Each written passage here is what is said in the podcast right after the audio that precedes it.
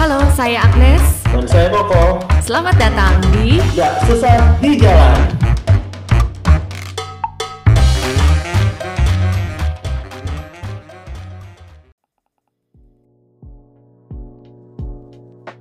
Halo, apa kabar? Ketemu lagi di podcast Nggak Sesat di Jalan. Halo, Apa kabar kok?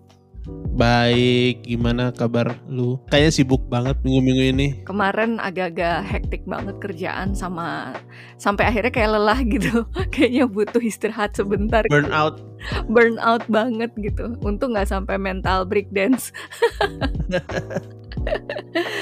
Oke, ketemu lagi di Nggak Sesat di Jalan. Di mana kita menjawab pertanyaan-pertanyaan yang ada di Quora ataupun gua baru kemarin lihat di sosial media kalau ya Yahoo Answer bakal bakal shutdown the original. Hmm. Kayak pertama kali ada kayak yang bertanya terus ada kayak komunitas menjawab tuh kan bukan Quora, Iya, Yahoo betul. Answer dan Yahoo Answer tuh zaman dulu banget. ya se- eh, ke- dulu kayaknya memang nggak ada nggak ada lawannya ya. Terus ada Mm-mm. As FM Mm-mm.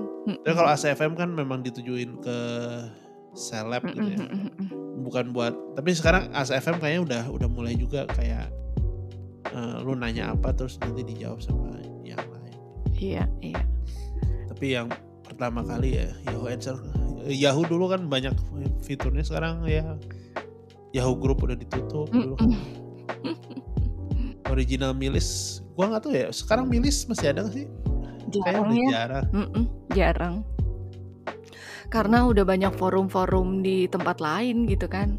Kayak di Facebook ada Facebook page gitu, bisa bikin forum di situ. terus ada Di- WhatsApp grup juga Iya, Di- makanya jadi udah banyak platform lain lah yang bisa dipakai. Ya, jadi kalau Yahoo Answer ya sekarang udah diganti Quora juga dan Yahoo kayaknya memang nggak nggak serius. Iya. Kayaknya dulu jadi rajanya sekarang makin lama makin tinggal Yahoo Mail aja yang Yahoo Mail tuh masih pakai loh. Yahoo Mail terus sama Flickr paling Flickr juga masih. Iya, iya, iya, iya. Yahoo Mail sih gue masih pakai. Terutama buat daftar yang nggak penting nggak penting lah gitu. Subscribe apa gitu kan. Subscribe nggak penting nggak penting. Dulu kalau zaman eh, apa Yahoo Mail yang gue inget tuh kayak masih alay gitu nama emailnya bukan pakai nama nama asli tuh kayak Iya makanya nggak pakai nama asli. Tapi kalau kalau udah Gmail udah mulai kayak udah resmi dan Iya, kebanyakan sih pokoknya isinya sampah lah di Yahoo Mail. Iya. Lu diundang ke itu nggak? Ke Ata sama Aurel Gue nggak seseleb itu sih. pada protes orang-orang ya gara-gara ini apa namanya? Pak Jokowi di- diundang dan katanya bukan protes gara-gara Pak Jokowi datang tapi lebih ke karena sekretariat negara nge-tweet dan Iya, itu kenapa sih? Padahal sebenarnya sehari sebelumnya gitu udah di announce Pak Jokowi bukan sebagai presiden hadir di sana gitu. Oke. Jadi kenapa sekretariat negara mengetweet itu gitu malah itu jadi kayak ya lo kayak mentahin statement yang udah keluar kemarin gitu. Itu yang aneh sih. Ya mungkin eh, pegawai di sana ada yang apa? Halilintarian, Halilintarian. Apa istilahnya? Fansnya atau Halilintar, Halilintarian. Iya, jadi kayak ya ilah ngapain sih gitu. dan bahkan perkawinannya sendiri pun menurut gua kayak ketelan sama hebohnya soal boleh atau enggaknya menggunakan kayak sekretariat negara itu buat nge-tweet hal-hal Mm-mm. pribadinya Pak Jokowi gitu. Mm-mm. Ya siapa sih tuh itunya agensinya lo? Tolong ya. ya mungkin bahkan Pak Jokowi sendiri nggak nggak mau kali ya karena kan dia juga nggak Mm-mm. mungkin hadirnya juga bukan ya kan karena Krisdayanti kan anggota DPR ya mungkin. Ya pokoknya gitu deh intinya eh, waktu itu ada klarifikasi duluan bahwa dia datang bukan sebagai presiden. Ya udah gitu. Tapi kenapa di tweet gitu itu yang ya dia nggak ini nih gitu. Kalau gue jadi bosnya gue keplak kan kemarin udah ada statement. Oke. Jadi ngomongin Ata sama Aurel kemarin, Iya iya. kita topiknya yang pernikahan nih ada pertanyaan kan? Iya. Pertanyaan pertama kita kali ini adalah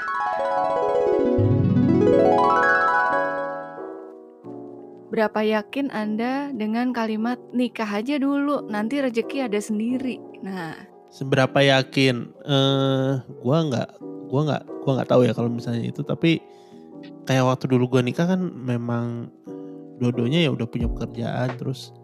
Jadi memang udah ada rezeki ya. Tapi kalau misalnya mm-mm. sebagai orang yang bukan nggak nikah dengan kenekatan, gua nggak ngerti. ya ya ya. Sebenarnya sih gini, jangan mengartikan nikah aja dulu lah kalau rezeki sih ada gitu. Jangan mengartikan bahwa kalau kita nikah itu apa istilahnya udah terjamin semua rezekinya gitu kan. Iya. Tetap aja kalau kitanya nggak ada usaha, yang mana datang rezekinya kan gitu ya gitu kan. Kalau di Islam kan walaupun nikah itu adalah sebagian dari ibadah, tapi bukan berarti juga kalau kitanya santai-santai doang kan gue udah menjalankan ibadah gue terus rezekinya mana gitu kan ya bukan begitu juga gitu tapi sebenarnya kalau logikanya menurut gue pada saat menikah lo sebagai cowok gitu kan pasti juga udah mikir berarti gue udah harus menanggung kehidupan istri gue gitu kan. Kalau gue juga mau punya anak gue harus menanggung kehidupan anak gue nanti nyiapinnya. Berarti kan otomatis kan lo jadi bekerja lebih giat lagi. Iya. tentunya akan diikuti rezeki yang akhirnya datang. Gitu aja logikanya. Pada saat lo menikah artinya lo udah siap untuk lebih bekerja keras lagi untuk menanggung kehidupan keluarga lo ini. Yes. gitu loh. Bukan artinya ya kita nikah aja dulu terus rezekinya nggak ada nah itu jadi banyak yang mispersepsi sehingga ekspektasinya nggak nemu nih terus akhirnya jadi ujung-ujungnya ribut dan pisah malah gitu loh Jadi menurut lu lebih ke state of mind ya. Jadi kalau misalnya udah nikah, state of mind Mm-mm. jadi oh, udah menanggung apa namanya iya ya, dan ya menurut gue bener sih dan kalau misalnya memang dari awalnya udah males ya lu nikah ya state of mind tetap males. Iya benar. Ya yang gua pikirin dari nikah juga ya lu lu suami istri jadi satu unit melangkah bersama itu ya kayak ada sinergi juga gitu kan. Jadi ya ya jadi pada kalau misalnya kayak pacaran kan lebih kayak oh bisa putus segala macam jadi masih kayak sendiri-sendiri belum. Nggak yakin nih kalau misalnya apa namanya ngambil sesuatu gitu ah, perlu diterusin tapi kalau begitu udah jadi satu unit ya ya bakalan rezeki bakalan muncul ya bukan karena istilah dika, dikasih tanda kutip tapi ya lebih ke karena dari kitanya ada ada yang beda ada yang ada ada, ada usaha lebih kemudian juga Iya, saling support kan gitu. lebih bersinergi lagi terus lu tinggal di satu rumah nggak nggak kayak tiap kali ngobrol ya ngobrolnya ya kayak pekerjaannya besok apa segala macem ya rezeki bakalan lebih lebih fokus kali ya gitu. Iya betul. Nah ada juga kasus kayak gini nih. Jadi mereka nikah muda gitu ya, sama-sama baru merintis karir. Tiba-tiba pokoknya di awal-awal menikah itu yang namanya baru merintis karir kan kadang up and down-nya gitu kan harus benar-benar harus bisa dinikmati bersama ya tanda kutip gitu kan. Jadi jangan seolah-olah pas lagi ada cobaan lo sih kurang berusaha gitu kan. Mana nih? Katanya nikah bawa rejeki. Yang nggak bisa nyalahin kayak gitu juga gitu. Yang namanya pekerjaan yang namanya usaha bisnis segala macam pasti ada aja gitu kejadian yang nggak terduganya gitu nah Ya. untuk pasangan muda nih karena ini gue banyak denger kasus banget nih anak-anak muda sekarang mau banget kawin cepet-cepet gitu tapi giliran kenapa-napanya atau misalnya suaminya juga penghasilannya namanya juga baru awal-awal kerja belum bisa mumpuni banget gitu ya penghasilannya si istrinya udah yang ekspektasinya mana kapan punya mobil? Kapan punya rumah? Lo nggak beneran lo? Gitu. Masa mau nyusahin anak orang? Gue tiap hari di rumah bokap nyokap gue tuh enak semua. Sekarang gue sama lo kenapa jadi susah ya? Kan nggak gitu juga ya. Benar-benar. Gitu. Heeh, jadi harus sama-sama saling support dan saling toleransi lah. Ini kita kan baru gitu. Lo bukan nikahin suami yang udah punya apa istilahnya udah punya bisnis yang sukses dan karir yang mapan gitu kecuali lo udah menikahi seseorang yang udah di jalur situ ya mungkin lo punya ekspektasi ya silahkan aja. Tapi kalau sama-sama tahu sama-sama lagi merintis ya lo juga harus bisa support gitu. Ya benar. Jangan iya soalnya habis habis yang apa namanya kalimat ini tuh kemarin itu sempat dibahas tuh di Twitter rame katanya nikah bawa rejeki. Mana buktinya gitu? Akhirnya banyak yang cerai gara-gara mereka merasa rezekinya nggak ada. Lah iya iya ekspektasinya apa dulu? Ya benar sih ya. Ya kan? Kalau ya kalau makanya ya sebenarnya sih kalau misalnya mau ya di- dibilang kalau misalnya nikah bawa rezeki itu terus kalau misalnya lu dua-duanya udah mapan terus nikah juga nggak ada salahnya sih sebenarnya. Bener iya itu dia Dan- cuman intinya harus bisa eh, saling menjaga ekspektasi aja gitu. Ya kita nikah sama-sama saling tahu sama tahu kondisi udah aja gitu. Dan nggak nggak harus nikah gitu. Kalau misalnya lu lu buka usaha apa gitu kalau misalnya lu partneran sama orang Mm-mm. terus itu bakalan lebih solid rezeki rezeki bakal lebih banyak karena ya lu dua orang lu tukar pendapat lu kerjasama untuk membangun sesuatu ya otomatis ya rezeki bakal Betul. bakal datang ya dari itu Betul. gitu. Bukan bukan gara-gara nikahnya sebenarnya. Bener. Gitu ya adik-adik ya. Jangan salah kaprah. Oh yang ngomong soal nikah kemarin kan gue baca di apa ya HRD Bacot atau apa gitu twitternya yang bilang istri terus apa namanya udah punya pekerjaan pekerjaannya lebih gajinya lebih baik daripada suaminya terus suaminya minta berhenti untuk fokus ke anak Mm-mm. tapi kayaknya istrinya kayak ragu-ragu gitu minta minta pendapat ke Oh. netizen karena istrinya nggak mau katanya anaknya juga nggak nggak maksimal di ya bukan nggak maksimal mungkin ada attachment tersendiri yang cuma bisa didapat Hmm. dari ibu gitu kan oh oke Dan- yang sebagai seorang ibu gimana menurut pendapat lu kalau misalnya Hmm. uh, suami minta berhenti padahal ya sebenarnya memang belum gitu. Penghasilannya memang belum cukup alasannya apa dulu kan gitu fokus ke anak sih Oke, alasannya eh, suami keberatan karena ya lo karirnya bagus tapi anak nggak keurus. Tujuan kita berkeluarga nih apa sih sebenarnya gitu kan? Kalau misalnya tujuan kita berkeluarga ya kita ingin membantu apa membina rumah tangga yang baik berarti kan include ada anak gitu kan. Nah, kalau udah ada anak berarti kan fokusnya emang ya kita harus bisa sama-sama membesarkan si anak ini gitu. Tapi peran itu kembali lagi eh, kalau karirnya si istri lebih bagus, terus lebih mapan, terus kemudian si suami merasa ya kan harusnya tugas lo nih yang eh, ngejagain anak gitu. Anaknya nggak keurus nih gara-gara lo nggak ngejagain. Nah itu kembali lagi pas waktu kita ngomongin gender role gitu ya, bener ya kan? yang gua gua aneh ya maksudnya dari Mm. pembahasan pertanyaannya itu kayak suami minta berhenti dan uh, fokus ke anak gitu Heeh. itu tuh otomatis langsung padahal sebenarnya su- kata suami minta berhenti kan sebenarnya bisa bisa aja suaminya yang minta Suaminya berhenti kan.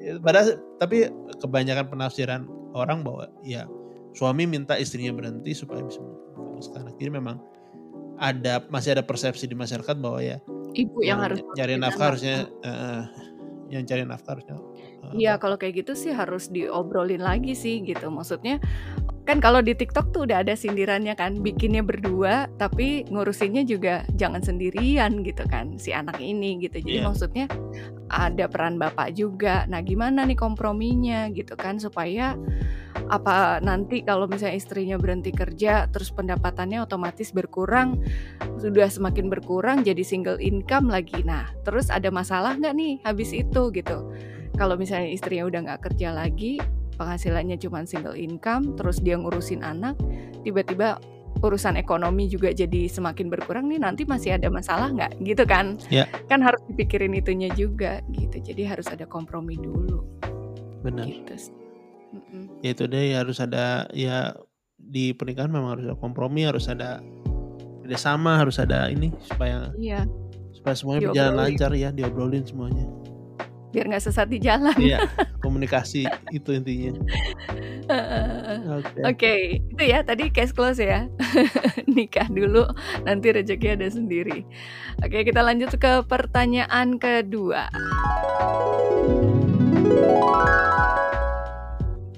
Arti dari body positivity menurut kamu?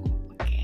Iya kemarin kayaknya lagi di ya bukan kemarin ya mungkin tahun lalu juga yang dari covernya Vanity Fair ya kalau nggak salah. Yang eh, plus size woman dan terus dia bilang it's okay gitu atau Mm-mm. apa this is okay gitu kan. Jadi eh, bilang bahwa ya body positivity kalau misalnya gua lihat Wikipedia itu kan sebenarnya lebih ke menerima physical body lu ya. Mm-mm. De- dengan berbagai ukuran, dengan berbagai bentuk dan ukuran, dan juga sekaligus menentang persepsi apa yang dikatakan eh, cantik Oke. oleh oleh masyarakat yang disebut cantik itu seperti apa dan Mm-mm.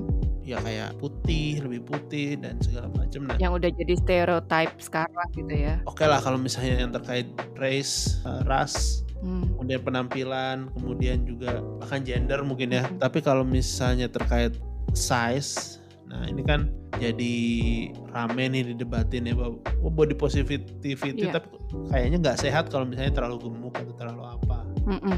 ya orang yang menentang bahwa kalau ob- obesitas ya itu bukan body positivity itu nggak nggak menjaga kesehatan nggak nggak sehat gitu Hmm. kalau menurut Iya, aku ya harus ada balance-nya kali ya di tengah-tengahnya di mana titik tengah di mana itu body positivity dan di mana itu udah mulai bilang nggak sehat Iya, jadi yang pernah gue baca nih, kalau body positivity itu memang kita bisa menerima keadaan kita gitu saat ini gitu kan.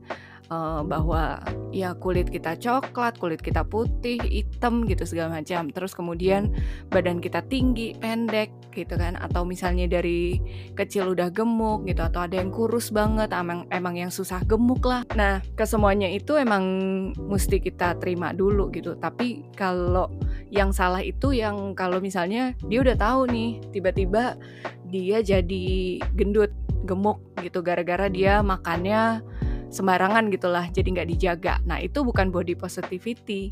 Pada saat kita tahu bahwa kita memperlakukan badan kita dengan salah itu udah beda lagi tuh. Justru itu bukan bagian dari body positivity ataupun bukan dari bagian self love gitu. Pada saat kita tahu kita harus menjaga kesehatan kita itu dia yang dimaksud dengan si body positivity gitu. Bahwa pada saat kita tahu badan kita ini kan ada yang bilang kan uh, our body is our temple gitu kan. Jadi kita harus jaga banget harus hormati banget apa yang kita asup itu adalah apa yang berguna bagi tubuh kita ke depannya. Jadi kayak investasi 5 sampai 10 tahun lagi. Iya. yang kita makan sekarang tuh baru bisa kerasa nanti impactnya lima tahun atau 10 tahun lagi gitu loh. Jadi makanya body positive itu tuh jangan jangan jadi kebablasan diartikan ya udah emang gue gemuk gitu apa adanya gue begini. Ya enggak juga gitu ada hal-hal yang bisa kita perbaiki ya kita perbaiki. Tapi gue juga ngeliat ada temen-temen gue yang emang badannya lebih gemuk gitu. Tapi memang dia dari kecil seperti itu dan emang susah untuk dibikin kurus atau gimana gitu ya. Selama dia tetap positif dia juga tahu porsi-porsi yang dia percaya itu sehat buat dia sih gak ada masalah sih harusnya gitu. Karena emang ada sih kok orang-orang yang eh, emang nggak bisa kurus gitu. Atau ada orang-orang yang sangat kurus Iya. nggak bisa gemuk. Nah itu juga sampai temen gue tuh minum yang susu yang katanya bisa nambah berat badan itu nggak mempan loh dia mau pakai obat apa kayak gitu. Nggak bisa gemuk juga gitu. Jadi ya ya itu dia gitu. Jadi ada hal-hal yang akhirnya udah nggak bisa di istilahnya nggak bisa diperbaiki lagi ya. Atau emang ada masalah di situ jadi ya dia harus bisa nerima juga ya memang ya lu, lu- eh, kalau lu ngomong kurus ya memang kayak memang ada kayak bulimia atau anoreksik itu kan juga itu harus diselesain kalau itu kan kelainan Iya, ya. Kalian kan bukan bukan artinya oh terlalu kurus terus memang body positifnya seperti itu tapi ya Mm-mm. ya mungkin lebih ke orang-orang ada juga yang kayak menganggap apa pembelaan untuk hidup yang gak sehat itu pasti ada ada gitu orang-orang yang seperti itu Mhm. Kayak apa namanya memang mereka malas untuk hidup sehat mereka malas olahraga Iya, mereka malas jaga makan terus mereka bilang oh enggak enggak kok ini gue udah nyaman dengan eh, body gue padahal ya memang emang ini males. Itu sih namanya penyangkalan, penyakalan sih bukan, betul. Iya jadi kayak bukan body positivity. Betul ya itu yang disebut justru itu bukan self love atau body positivity nah ngomongin lagi nih jadi kan udah banyak stigma di masyarakat terbentuk gara-gara marketing dari produk kecantikan ya kan? Terutama kan perempuan kan yang jadi korban. Eh, ya kan? Yang apa rambut mesti lurus lah. Kalau dulu kan shampoo di Indonesia yang gue tahu tuh semua shampoo itu menampilkan rambut yang hitam lebat lurus. Itu adalah rambut orang Indonesia. Padahal nggak semua orang Indonesia rambutnya begitu gitu kan? Ya Iya. kan? Nah Dan dulu apa? Santi tidak seputih Sinta itu, Itu kan juga, ya kan? Itu ada produk lotion yang anak-anak jadul zaman 90. Heeh, itu itu udah Halo. kayak gila lo kalau lo bikin iklan kayak gitu sekarang wah abis lo di iniin brandnya gitu kan. Iya bener. Lo kayak membedakan padahal di Indonesia sendiri tuh kita bukan kulit yang putih loh, kita kulitnya yang sawo matang gitu kan. Dan bahkan orang bule terkagum-kagum dengan kulit tanningnya kita yang natural gitu. Dan bule malah mau tanning di Bali. kita kan. Iya dibalik malah. Iya. Nah, akhirnya sekarang ini untuk menghilangkan segala macam stereotip yang udah ada di masyarakat dari satu brand L'Oreal nih, dia udah mulai resmi menghilangkan kata whitening dari semua produknya dia. Ya. Gitu. Jadi eh, ya itu udah bukan jadi sebuah gimmick marketingnya dia lagi lah gitu. Bahkan terus Kao Kao dari Jepang itu juga Ya. udah ngilangin kata whitening gitu. Jadi ya udah nggak ada lagi gitu. Karena itu selain kayak nggak body positivity juga mengacu ke rasis ya. Terus masa lo mau jual kayak gini ke apa namanya saudara-saudara di Afrika yang emang kulitnya hitam gitu. Dan nggak ada masalah juga kalau dia hitam. Justru aneh kalau nanti dia putih gitu. Tapi dengan apa namanya perawakan yang kayak sekarang gitu. Kayak siapa? Lupita Nyong'o gitu kan. Ya dia tetap cantik dengan apa adanya dia gitu nggak Ya, nggak terus dibikin bener. putih gitu kan Ya, kulitnya jadi ya menurut aku ya gerakan body positivity bagus. Cuma ya memang kadang-kadang ada beberapa orang yang menganggap bahwa saat melihat bahwa oh ini sosoknya bukan udah bukan body positivity lagi tapi obesitas atau misalnya terlalu kurus segala macam. Ya orang justru jadi bereaksi "Ah, apa sih body positivity itu, itu cuma males doang padahal ya sebenarnya eh, secara gerakan awalnya memang positif. Iya.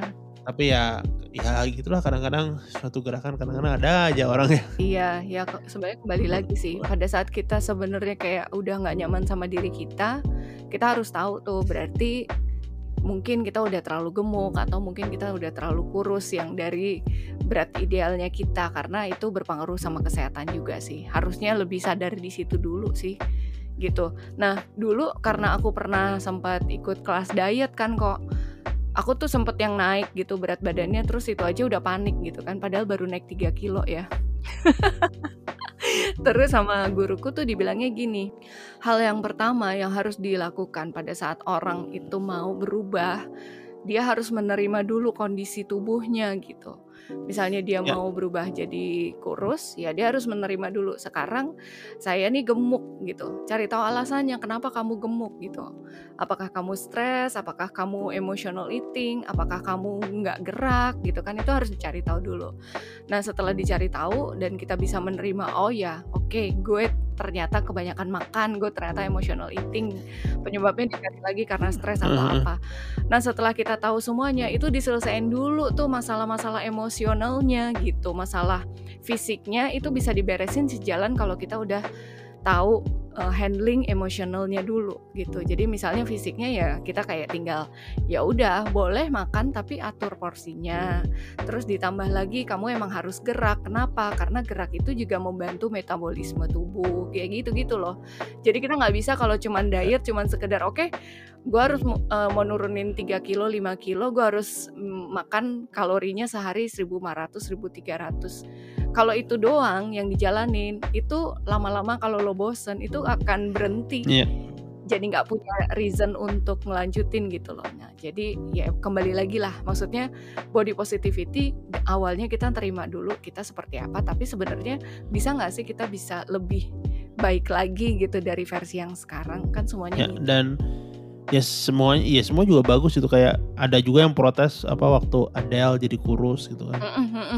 Dan ya ya it- menurut Adele dia kerasa bahwa itu gemuk ya terus dia berusaha untuk menguruskan badannya. Bukan berarti Adele tidak menerima badannya pada saat gemuk gitu tapi ya ya itu menjadi better versionnya dia ya nggak Iya, nggak masalah juga gitu. Betul sekali. Bahwa nggak jadi tidak mendukung body positivity cuma mengencourage orang untuk kurus ya nggak juga sih. Iya, bener. Kan dia juga nggak nggak ngatain orang yang lain gendut itu terus jadi pemalas dan nggak mau kurus gitu-gitu kan enggak ya. Dia hanya merasa kayaknya gue lebih nyaman dengan badan gue yang seperti ini sekarang kayak gitu. yes ya makanya eh, ya untuk ya teman untuk eh, pergerakan yang body positivity Kayaknya semakin banyak orang yang sadar di Indonesia seperti itu sih.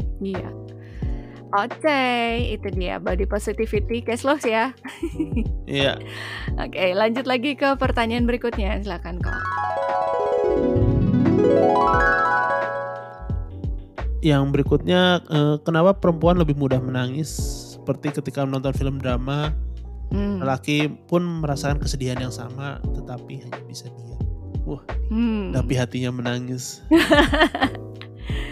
Eh, emang lo nggak pernah nangis kalau nonton film gitu nggak pernah sampai nangis? gue tiap kali nangis sih, Iya tuh. sejujurnya ya. Heeh, heeh. Tiap kali nonton kayak video klip apa eh, apa eh, orang tunarungu mendengar untuk pertama kali gitu udah gue udah Iya eh, video-video. udah, udah terharu banget terus Iklan kayak apa, Thailand gitu ya.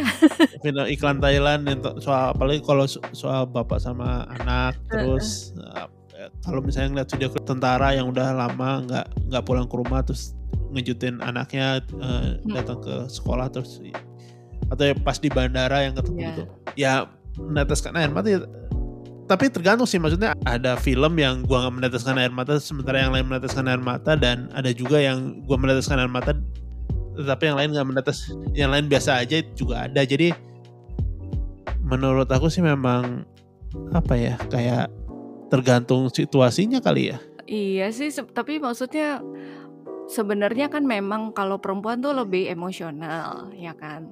Sementara laki kan katanya kan lebih logik gitu. Jadi kayak ya kalau laki tuh masih bisa menetralisir ya lah film doang gitu.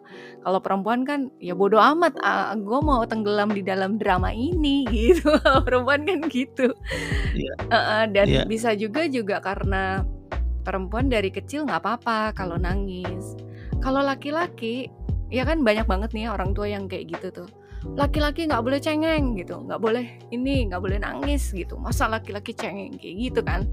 Jadi udah kayak ada Mhm. gender role-nya dari kecil persepsinya bahwa oh kalau gue gue nggak boleh ngeliatin sisi rapuhnya gue dengan menangis nih gitu. Padahal tuh sebenarnya sah-sah aja kalau mau nangis sih, iya kan? Iya, itu sih menurut gua ke- ada ya tergantung filmnya sih menurut gua bahwa ada film-film yang menurut aku cowok juga bisa nangis tapi cewek juga bisa kayak cowok cowok tuh bisa nangis cuma gara-gara misalnya tim kesayangannya kalah atau tim kesayangannya menang.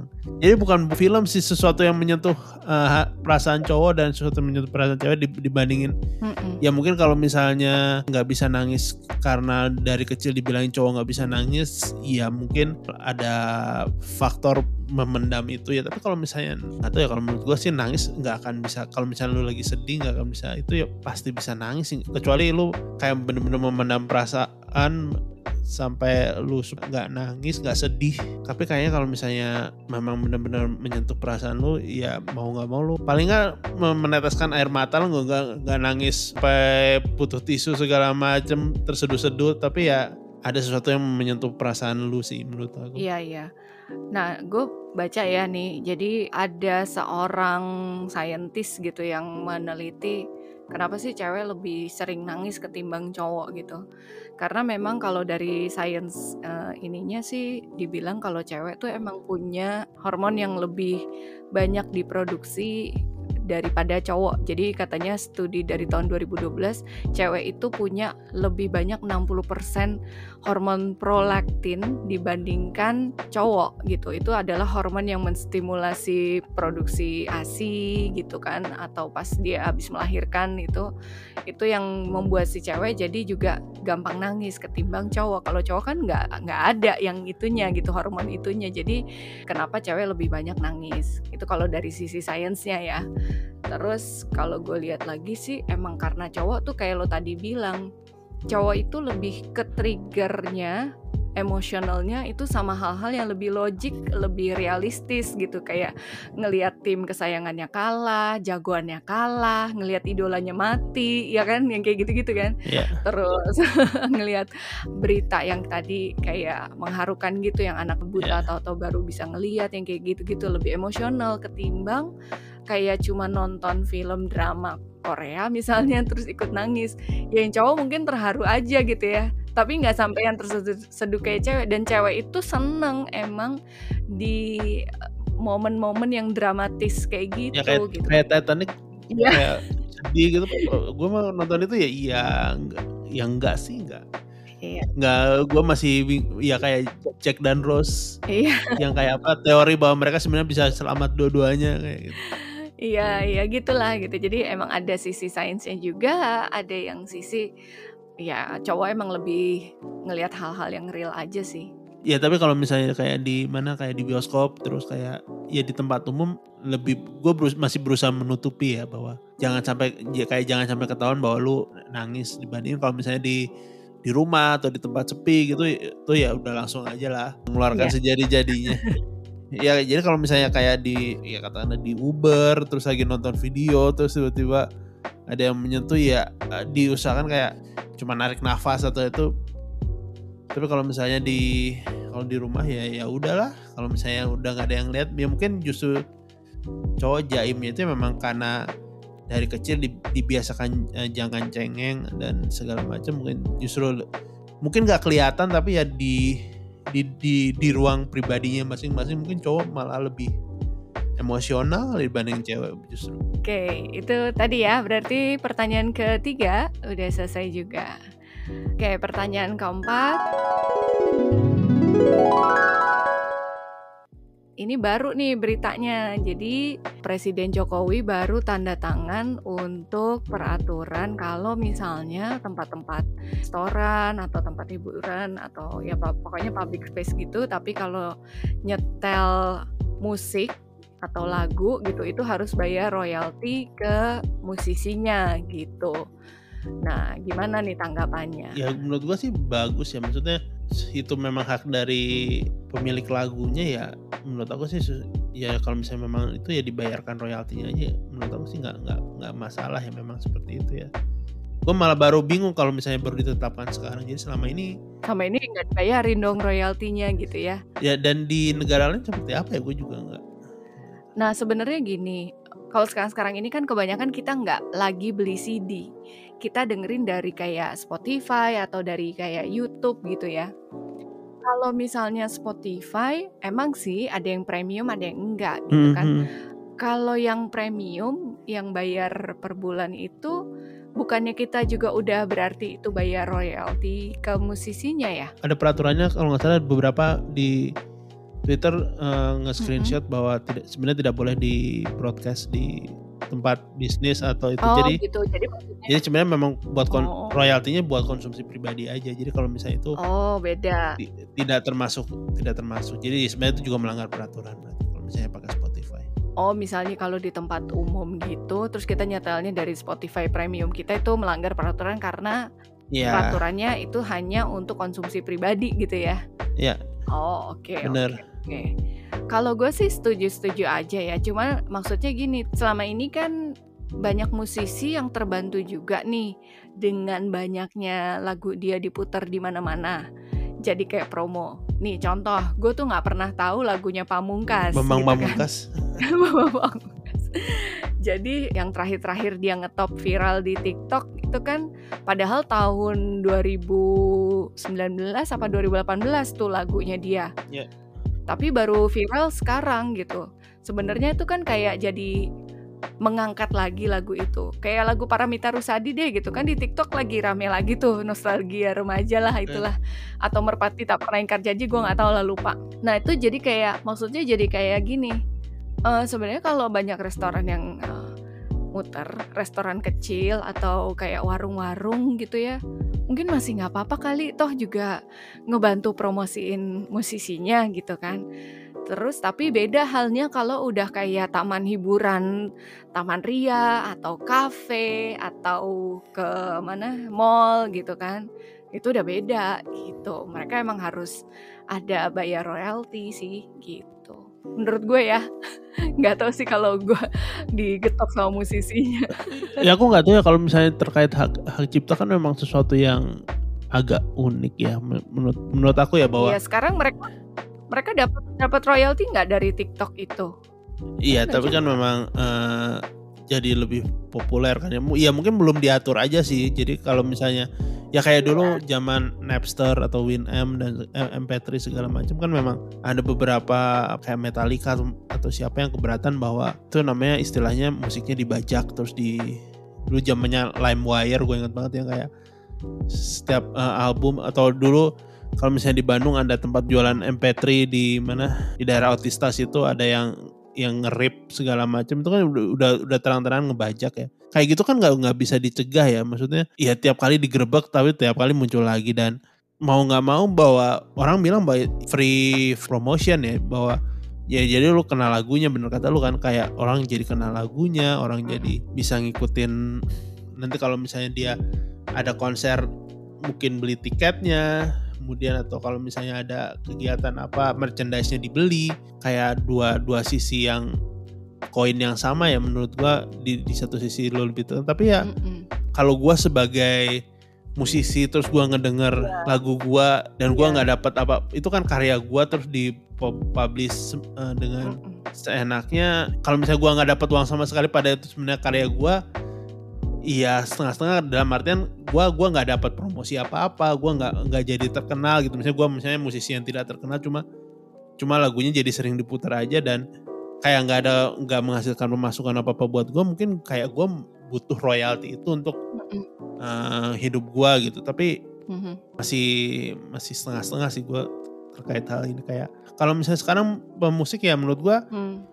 Kalau dari royalti ya gua nggak tahu sih hitungannya berapa. Apakah memang masih menguntungkan untuk mengejar-ngejar royalti semua Hmm. semua lagu lu? Atau ya kayak lu cukup puas dengan eh, ya bisa konser terus dapat dibayar O- orang kenal lu terus lu bisa nge-endorse iklan bermacam-macam hal gitu misalnya. Dan lu lebih kenal luas kesempatan buat lu lebih banyak. Iya.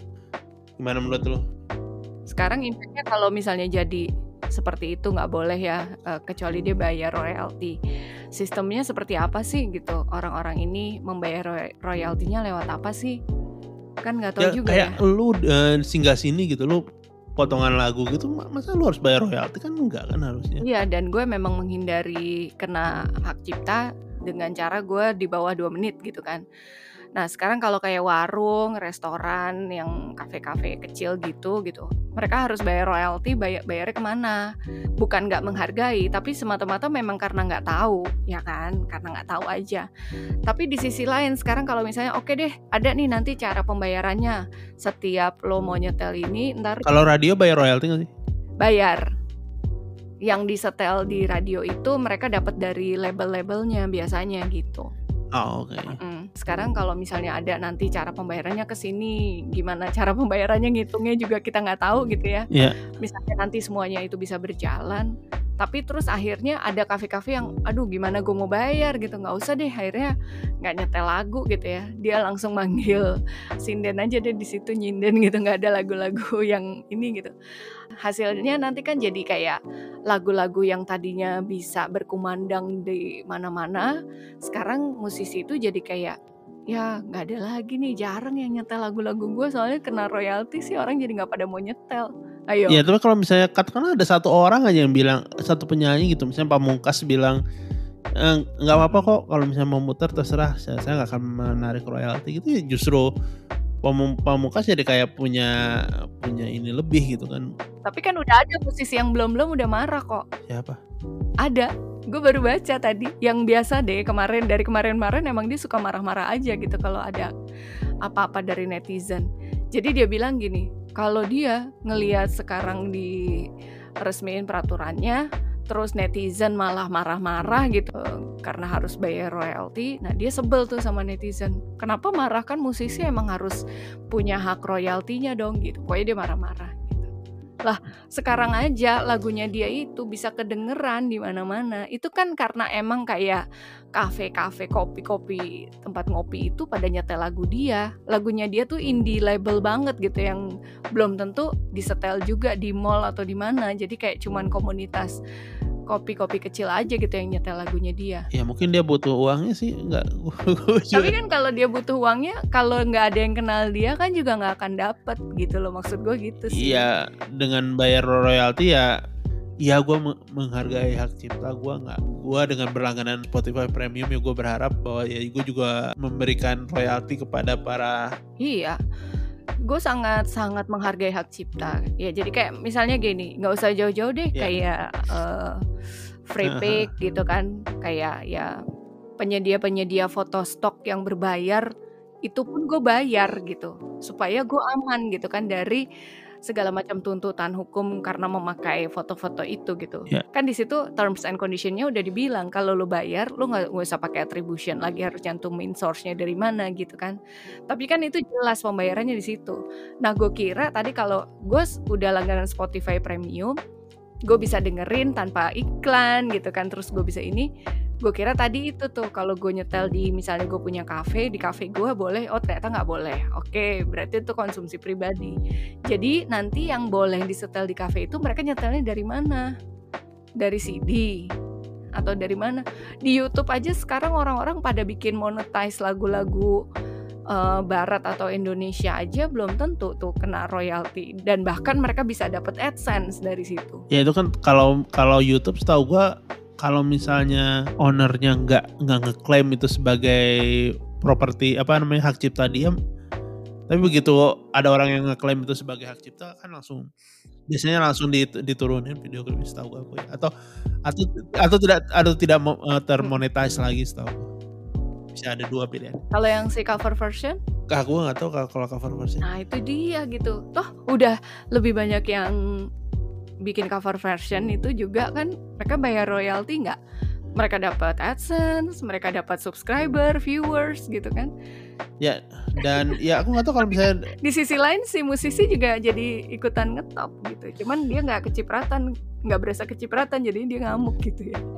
Ya mungkin justru makanya gue pikir karena pandemi ini jarang ada konser, jarang ada pemasukan jadi atau itu. Terus gue kayak berspekulasi bahwa kemarin kayak Pak Jokowi datang ke pernikahannya Chris Dayanti itu Pak saya mau dong album saya yang dulu kata Chris Dayanti royalti. saya mau kadonya adalah peraturan royalti ini kalau bisa pak tapi ya itu bercandaan gue aja sih kayak misalnya buku aja yang ya kalau misalnya di Tokopedia kan sekarang banyak tuh buku palsu yang Iya, ebook ebook. e-book dan ada juga yang ngeprint sendiri kan bahwa.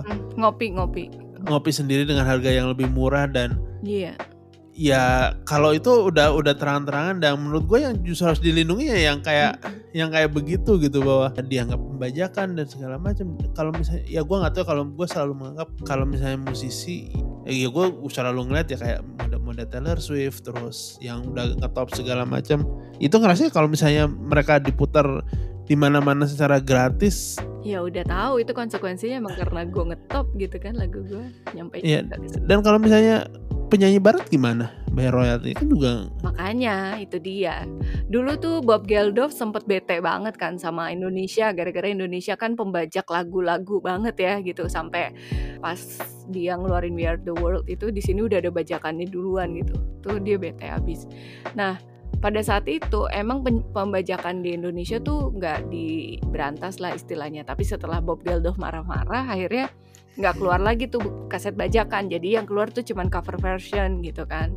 Nah, kalau yang sekarang nih bahkan katanya sih bagaimana mereka nanti perhitungan royaltinya aja masih mau didiskusin dulu kok. Katanya tergantung dari sektor usahanya. Kan yang dibilang nih, gue bacain ya. Layanan publik yang wajib membayar royalti antara lain seminar atau konferensi komersial, restoran, konser musik, alat transportasi komersial, bioskop, nada tunggu telepon, hotel, pertokoan, pusat rekreasi, lembaga penyiaran TV dan radio hingga karaoke. Setahu gue karaoke bukannya udah bayar royalti ke label ya? Iya, ya itu diperkuat aja kali ya. Ya ya ya, tapi maksudnya di situ pun belum ketahuan tuh berapa royalti yang harus dibayarkan, katanya tergantung sektor usaha. Ini aja udah udah kayak belum pajak gitu loh. Iya dan ya menurut gua sih kayak nanti gimana siapa yang nge-enforce kalau misalnya nggak kalau Mm-mm. misalnya ada yang nggak patuh dan segala macam menurut gua sih Susah. Susah. Eh, dari sisi pelaksanaannya susah dan ya gua nggak tahu kalau misalnya ya sejujurnya gua kadang suka restoran yang tenang gitu. Gue tinggal pasang Spotify gua gua sumpel telinga Iya. gua gitu dan ya restoran kalau misalnya nggak ada suara apa-apa atau ya zaman Aneh sekarang. juga ad, ya aneh. Cuma ya kadang mungkin lebih kayak lu misalnya zoom meeting di cafe jadi lebih tenang. Iya, bener. Sekarang susah juga kok. Misalnya, oke nggak boleh nih gitu kan. Nggak semua kafe dia bisa bayar home band atau pemain piano gitu kan. Nah terus bayar home band dan pi- pemain piano juga nggak boleh tuh home bandnya nyanyiin lagu-lagu Indonesia atau Barat yang Ya, kena berarti- royalti itu. Kan susah juga ya. Kan berarti kena tuh. Ini lagu wajib kali ya? Terin lagu tapi bandnya berkibarlah benderaku punya lagu sendiri tuh. atau atau apa namanya kayak kayak lagu cuma kayak lagu apa love story atau apa gitu terus di- diubah liriknya atau agak dibedain lagunya terus jadi kayak kayak kenal lagunya.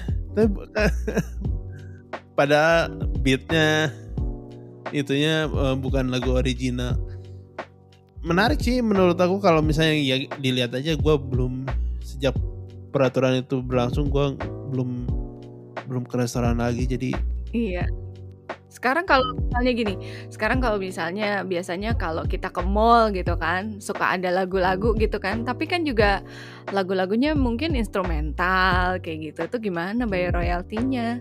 Ya kalau misalnya mall iya kan instrumental bisa kalau Gramedia Kenny G gue yakin kalau Gramedia kayaknya kayak bayar ke Kenny G udah Udah tuh. banyak banget tuh. udah, udah banyak banget.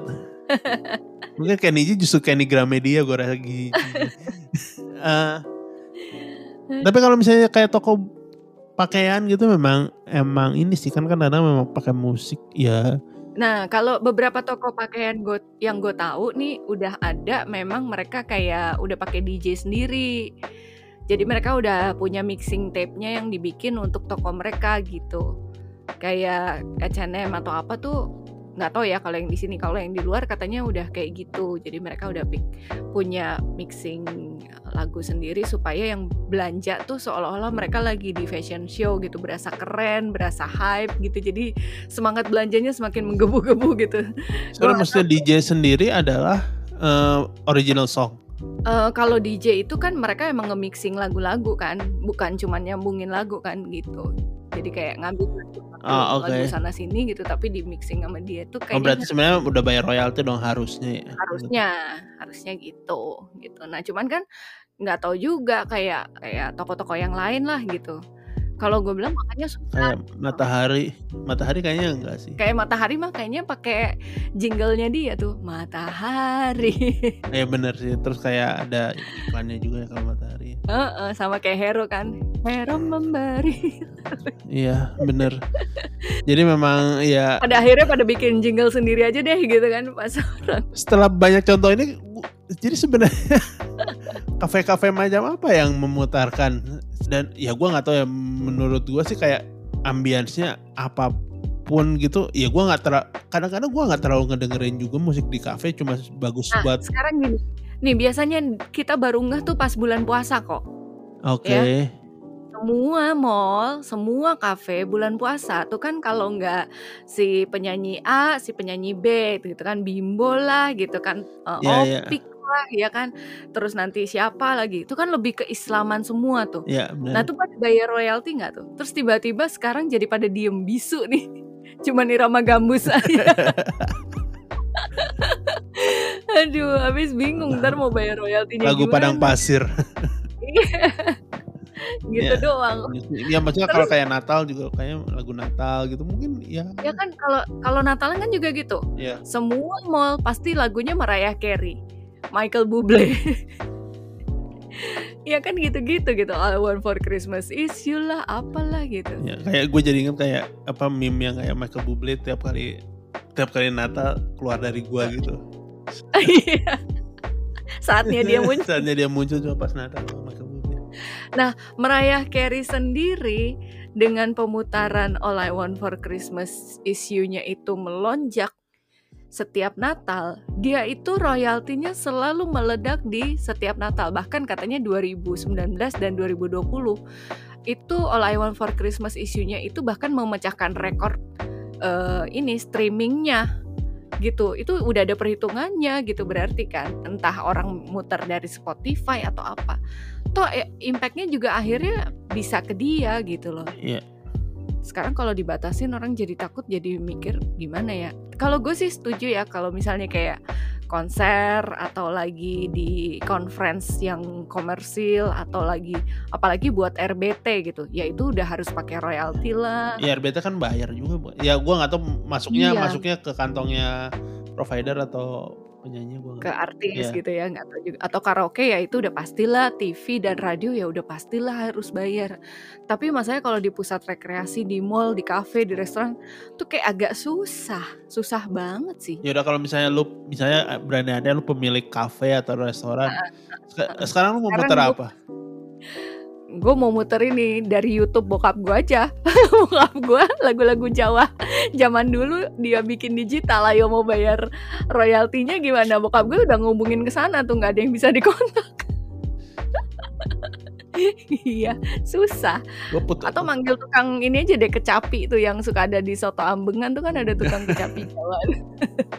Lebih adem kayaknya. Eh, langsung bayar ke dia ya. Oke pak main ya. Langsung bayar nih royaltinya. Bisa bisa. Jadi ya lebih ya pasti ada solusi ini ya sih. Kalau gua mungkin gua putar podcast aja kali ya. orang lagi makan nih. Kenapa ada ngobrol ya? Lagi meeting nih pak. Bapak lagi ada meeting juga? Enggak ini di restorannya. Nyetelnya podcast atau audiobook itu kan jarang kan orang. audiobook bener bener tetap aja bayar ro- royalty juga kan Belum. ayo mau ngambil dari Kan, mana kan belum diatur. Ya, ya. belum diatur audiobook. audiobook belum diatur sama podcast juga ya soalnya nggak ada kemungkinan podcast dipasang tempat umum berisik Bener. ya kita lihat deh nanti eh, ininya implementasinya seperti apa gitu ya Tapi ya all in all ya apa ya? bagus lah pasti ini kan eh, satu cara untuk mengapresiasi karya dari musisi artis gitu-gitu kan Ya. Dan Cuman ya gue di- nggak nggak tahu ya seberapa berapa sih persentase yang nggak bayar royalti dan kayak harus menurut gue sih harus ada statistik yang bagus sih supaya mengetahui keefektifan dari iya peraturan ini. Ya kalau gue sih cuman mau lihat biasanya di Indonesia tuh peraturannya ada, implementasinya nggak ada, bahkan detail dari apa pasal-pasalnya pun nggak kuat gitu. Jadi kayak cuman seremonial aja gitu. Udah kita udah pernah menetapkan itu gitu, walaupun di lapangan masih belum bisa Kita sudah terlaksana. menetapkan kok protokol kesehatan kalau masyarakat nggak memenuhi ya bukan salah kita. ya gitu gitu. Ya. Ntar deh gue tanya teman-teman gue bagaimana sih musisi-musisi.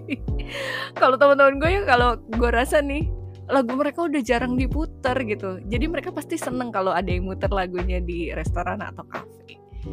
Jadi menaikkan lagi airplay-nya di Spotify kan lumayan. Ya, tapi gitu. air- Airplay hanyalah airplay bukan? Maksudnya tidak menghasilkan pemasukan apa-apa ke musisinya.